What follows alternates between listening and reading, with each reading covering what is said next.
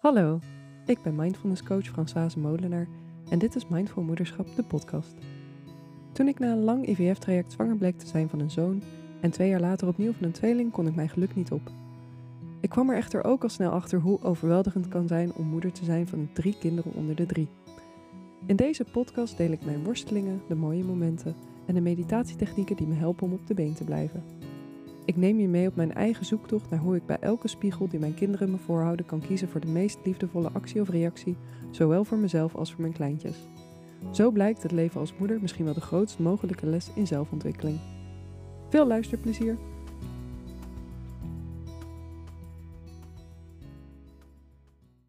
Hallo en welkom bij een nieuwe aflevering van Mindful Moederschap, de podcast. Mijn naam is Françoise en vandaag wil ik het hebben over um, moederen in het nu. Ik ben de laatste weken heel veel mooie boeken aan het lezen. Ik uh, vertelde daar vorige week al over hoe ik probeer in plaats van steeds op mijn telefoon te zitten af en toe een boek te pakken als er even een gaatje is. En uh, ik merk dat ik daar zoveel inspiratie uit haal.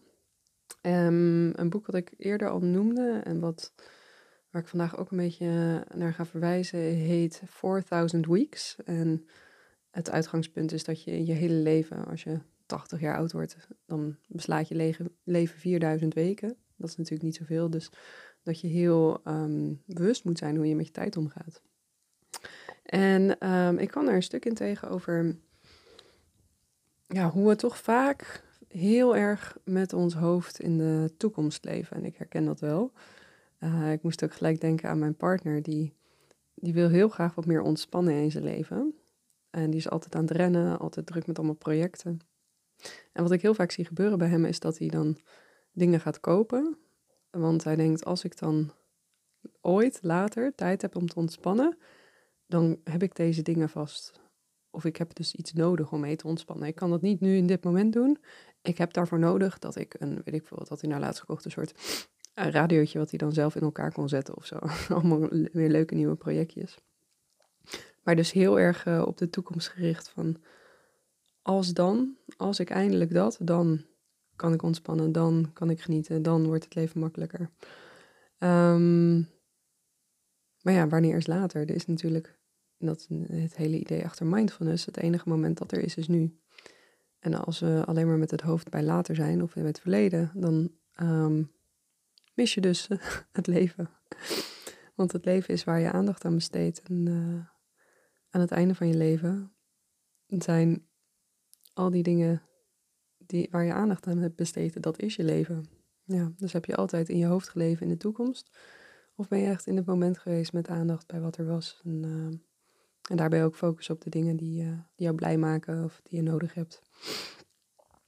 Nou, klinkt heel abstract, maar um, ik weet niet, toen ik het boek aan het lezen was, kwam ik er ook wel, um, ja, moest, deed me ook heel erg denken aan het moederschap. Um, hoe je in moederschap ook zo heel instrumenteel soms, of laat ik het bij mezelf houden, hoe ik er ook heel instrumenteel in kan zijn. De auteur van het boek die noemt het ook. Die zegt eigenlijk als je kijkt naar alle boeken en filosofieën over ouderschap, dat zijn er twee. Je hebt de babytrainers. Die zeggen van nou, je moet gewoon heel snel gaan werken met schema's en structuur, want daar worden kindjes blij van. En dan is dat voor iedereen goed, want dan gaan ze eerder slapen en dan uh, heb je eerder avonden weer terug en uh, et cetera, et cetera. En hij zegt aan de andere kant heb je de meer attachment parenting of natuurlijk ouderschapsouders die zeggen we zijn veel meer kindvolgend. We doen wat er, um, we doen aan, dragen, we doen aan um, voeden op verzoek, het kind daarin volgen. Uh, wat heb je natuurlijk al de, oh hoe heet het ook weer? Elimination communication, dus al bij twee weken oud uh, je kind zo goed in de gaten houden dat je uh, het zindelijk kan maken. Geen judgment hier, geen oordeel, maar dat zijn een beetje de twee grote scholen. En die auteur zegt, en ik herken dat wel, zegt het is allebei zo instrumenteel want alles wat je doet aan opvoeding is dan een doel dat ergens naartoe moet leiden. Voor de, uh, de babytrainers is het doel dan eh, kinderen die gewoon het goed doen op structuur, zodat je voorspelbaarheid hebt. En voor de natuurlijk ouderschapsouders, eh, en wellicht niet voor iedereen, hè? ik wil niet generaliseren, maar ik herken hem wel bij mezelf. Dat je dan heel veel doet onder het mom van als ik nu maar, maar goed kindvolgend ben en als ik nu maar heel veel draag en als ik nu maar mijn kind bij me laat slapen, dan gaat de hechting goed en dan wordt het later uh, emotioneel gezonde kinderen. Um, dat is bij mij echt zeker bij mijn eerste kind, bij Benjamin, zo'n, ik wil bijna zeggen valkuil geweest. Want het is weer dus alles vanuit mijn hoofd doen. Ehm, vanuit mijn hoofd bedenken, hechting is belangrijk. Daar had ik boeken over gelezen. Dus ik moet dat, dat samen slapen, samen dragen. Ehm, en dat is helemaal goed, maar ik deed het dus niet omdat het op dat moment fijn voelde of omdat dat op dat moment het juiste was, maar vanuit het idee als ik het niet doe, dan traumatiseer ik mijn kind. Dus heel erg vanuit negativiteit of, of angst en vanuit weer een hele instrumentele blik eigenlijk, realiseer ik me nu. Ik, ik zag het toen ook wel gebeuren, dat ik zo in mijn hoofd zat en, en op, ja, vanuit dat de angst om, om hem dus te beschadigen later in het leven. Dat ik ja, daardoor heel veel van mezelf gegeven heb. Ehm, en daarmee was de insteek dus heel erg geforceerd eigenlijk. En was de interactie misschien helemaal niet zo authentiek als je zou willen.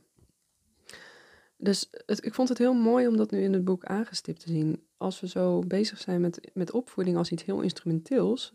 Iets wat gezonde kinderen moet maken later. Ehm, of uh, hele gestructureerde kinderen dan ben je niet in het moment en je mist dus de intrinsieke waarde die er gewoon is in interacties hebben met je kind. Ik denk dat dat het belangrijkste is. Het wordt allemaal heel instrumenteel in plaats van dat je authentiek bent in je interacties. Waarom is dat belangrijk? Nou, dan, ja, een stukje mindfulness weer ehm, in het nu zijn. Op, als je realiseert dat het nu het enige moment is dat er is, daadwerkelijk dan wil je dat niet missen. Want dan mis je eigenlijk het hele leven. Nu met de tweeling ben ik me daar dus ietsje bewuster van. Van oké, de tijd gaat heel snel. Ik wil meer in het moment zijn met de tweeling. Um, met alles wat er gebeurt is het heel makkelijk ook om het te verliezen in slaap, in, moe zijn of uh, gewoon het functionele zorgen ook wel. Ik ben heel veel bezig gewoon met luiertjes en flesjes en kolven en uh, kindjes op bed leggen. Um, dat ik ook wel probeer van, oh je, je, moet ook genieten. uh, ik moet ook aanwezig zijn in het nu. Ik heb een paar dingen opgeschreven. Ik moet het niet missen. En dat is dus weer de andere kant van de medaille. Dus je kan zeggen van oké, als je alleen maar bezig bent met de toekomst of met zo heel instrumenteel opvoeden, dan ben je nooit in het nu. Maar het werkt dus ook niet om het nu te gaan proberen te forceren. Daar ben ik in ieder geval de laatste maanden heel goed achter gekomen. Um, het is eigenlijk bijna alsof je uh, probeert jezelf in slaap te krijgen door te zeggen: je moet, je moet slapen, je moet slapen. Het is ook weer instrumenteel, want er hangt een, een waardeoordeel aan. Van het, het huidige moment is alleen maar goed als ik geniet. Het huidige moment is alleen maar goed als ik er met mijn volle aandacht bij ben. En als het dan ongemakkelijk voelt of, of saai. Ik heb uh, zeker met Benjamin ja, geprobeerd er heel veel voor hem te zijn. En dat vond ik ook echt heel erg saai vaak. In de speeltuin, kinderboerderij. Ik ben uh, heel kindvolgend in de terugtocht van de supermarkt naar huis. Omdat ik denk, ja, ik heb toch niet zoveel te doen op een dag. Maar dan staan we weer 20 minuten zijn fietsje in en uit fietsenrek te halen. Um, ja, dan kan ik mezelf wel zeggen, ik moet mindful zijn, ik moet genieten van het, gewoon in het moment zijn. Het moment is nu, geniet ervan. Het is gewoon saai. Um, of dat ik ook, kan dan heel streng worden. Ik mag niet afgeleid zijn. Ik kan ook weer perfectionisme om de hoek kunnen komen kijken. Dus weer heel veel instrumentaliteit, heel veel oordelen, heel veel het moet zo en zo en zo. Um, wat je eigenlijk dus ook weer weghaalt uit het nu. En ook weer weghaalt uit zo'n authentieke interactie. Want, en ook uit de compassie voor jezelf zoals ik het nu benoem, hè, dat ik dus dan gerust Benjamin laat dicteren dat we een half uur naar huis lopen, omdat ik dan een strijd niet met hem aan hoef te gaan. En mijn filosofie is altijd hoe minder strijd, hoe beter. Um, is dat nou wel de meest compassievolle keuze voor mezelf? Maar ja, wat betekent dat nu echt in het nu zijn en hoe doe je dat dan wel zonder jezelf te forceren? Um, ik heb er niet een pasklaar antwoord op. Dus meer iets om, om bij stil te staan bij jezelf van hé, hey, zit ik wel veel in het nu? Of zit ik veel in de toekomst? Of probeer ik mezelf te forceren om in het nu te zijn. Een beetje de valkuilen. Um, waar ik zelf steeds meer op uitkom zijn twee woorden: compassie en authenticiteit. Authenticiteit in jezelf. Dus dat je, en daar volgt ook gelijk de compassie weer uit. Authenticiteit in jezelf betekent dat je jezelf elk moment toestaat om helemaal te zijn zoals je bent. Dus als je zagrijnig bent, dan zie je dat gewoon en kijk je ernaar. Hoe noem je dat? Mama zagrijnig, verdrietig, boos. Ehm, het hoeft allemaal niet anders te zijn dan het is. En ik denk dat dat een hele mooie les is voor je kind. Als je dat kan laten zien.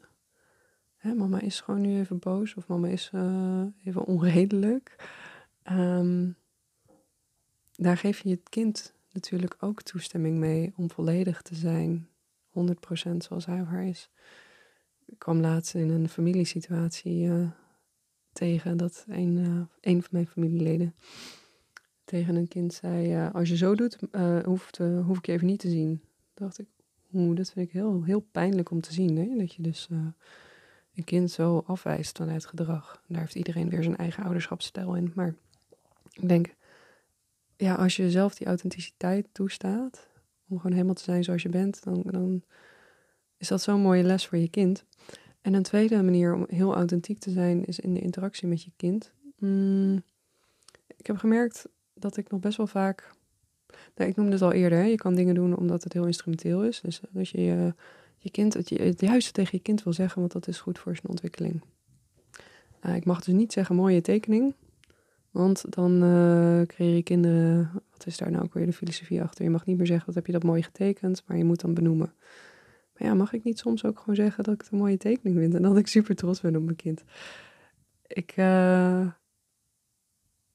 ik mis daar in het hele opvoedplaatje soms de authenticiteit in de interacties. En ook um, een goede manier om, om te vinden van ben ik nou authentiek of niet in mijn interacties, is om te kijken wat ik nu zeg tegen mijn kind, zeg ik dat om hem of haar, en dat, dat klinkt even hard, te manipuleren of niet? Of is het gewoon uh, een oprechte communicatie nu in dit moment? En daar zijn geen. Um, het is een grijs gebied, weet je. Um, ik denk dat het meer een uitnodiging is om wat vaker te gaan kijken naar vanuit welke plek communiceer ik nu met mijn kind. Communiceer ik nu, denk ik, bij alles, ik moet het super goed doen, ik moet de juiste toon treffen, want hè, dan. Um, dan leert hij empathie hebben. Ik merk vaak dat ik. Uh, uh, dat is iets anders wat ik gelezen heb. Dat je dan niet mag zeggen wat lief dat je een cadeautje aan iemand geeft. Je moet zeggen, oh, dat vindt dat kindje heel fijn. Zodat ze dan leren dat, dat je iets doet voor een ander en niet voor jezelf, bijvoorbeeld. Maar ja, ben ik wel weer toch weer. Probeer ik wel weer iets te bereiken met wat ik zeg. In plaats van gewoon, als ik oprecht voel in dat moment, oh, ik vind het echt heel lief dat je dat doet. Waarom zou ik dat ook niet een keer mogen delen? een beetje mijn eigen reflecties terwijl ik dit inspreek. Ja, en daar dus ook de compassie hebben. Compassie dat, um, dat niet elke interactie perfect kan zijn, dat je niet altijd overal van kan genieten. Um, en dat het enige wat je kan doen is gewoon met je aandacht zijn bij wat er is. En als je dan niet gaat forceren, dat is het mooie met emoties. Hè? Als je niet gaat proberen de dag beter te maken dan die is. Als je aan tafel zit en de kinderen zijn irritant en ze gooien zes keer een glas om. Um, ik noem maar even wat hè. En je zegt, oké, dit vind ik even niet zo leuk. En ik, oh, ik raak even mijn geduld kwijt. Als je dat helemaal kan toestaan voor jezelf, vol compassie, dan is de dag waarschijnlijk een stuk leuker dan als je alleen maar jezelf streng gaat toespreken. Van nee, maar ik moet in het nu genieten. Ik moet in het nu zijn. Ik moet mindful zijn. Nou, um, ja, compassie. Heel belangrijk. Dus een beetje een abstracte podcast misschien deze week. Maar ja, ik vond het. Het was voor mij zo'n eye-opener om dus te lezen dat al die parentingboeken, al die ouderschapsboeken zo instrumenteel kunnen zijn. En dat dat je ook weer zo kan weghalen uit het moment. Dat ik dacht, daar wil ik zelf vaker op reflecteren. En zelf gewoon veel vaker in het moment zeggen. Wat is, wat is nu echt? Wat is nu echt en wanneer ga ik proberen iets te bereiken? Uh, ik zal daar ook voor de Patreon-accounthouders die deze podcast financieel ondersteunen een mooie meditatie over opnemen. Uh, ik ga je meenemen naar die plek van authenticiteit en compassie in je eigen lichaam.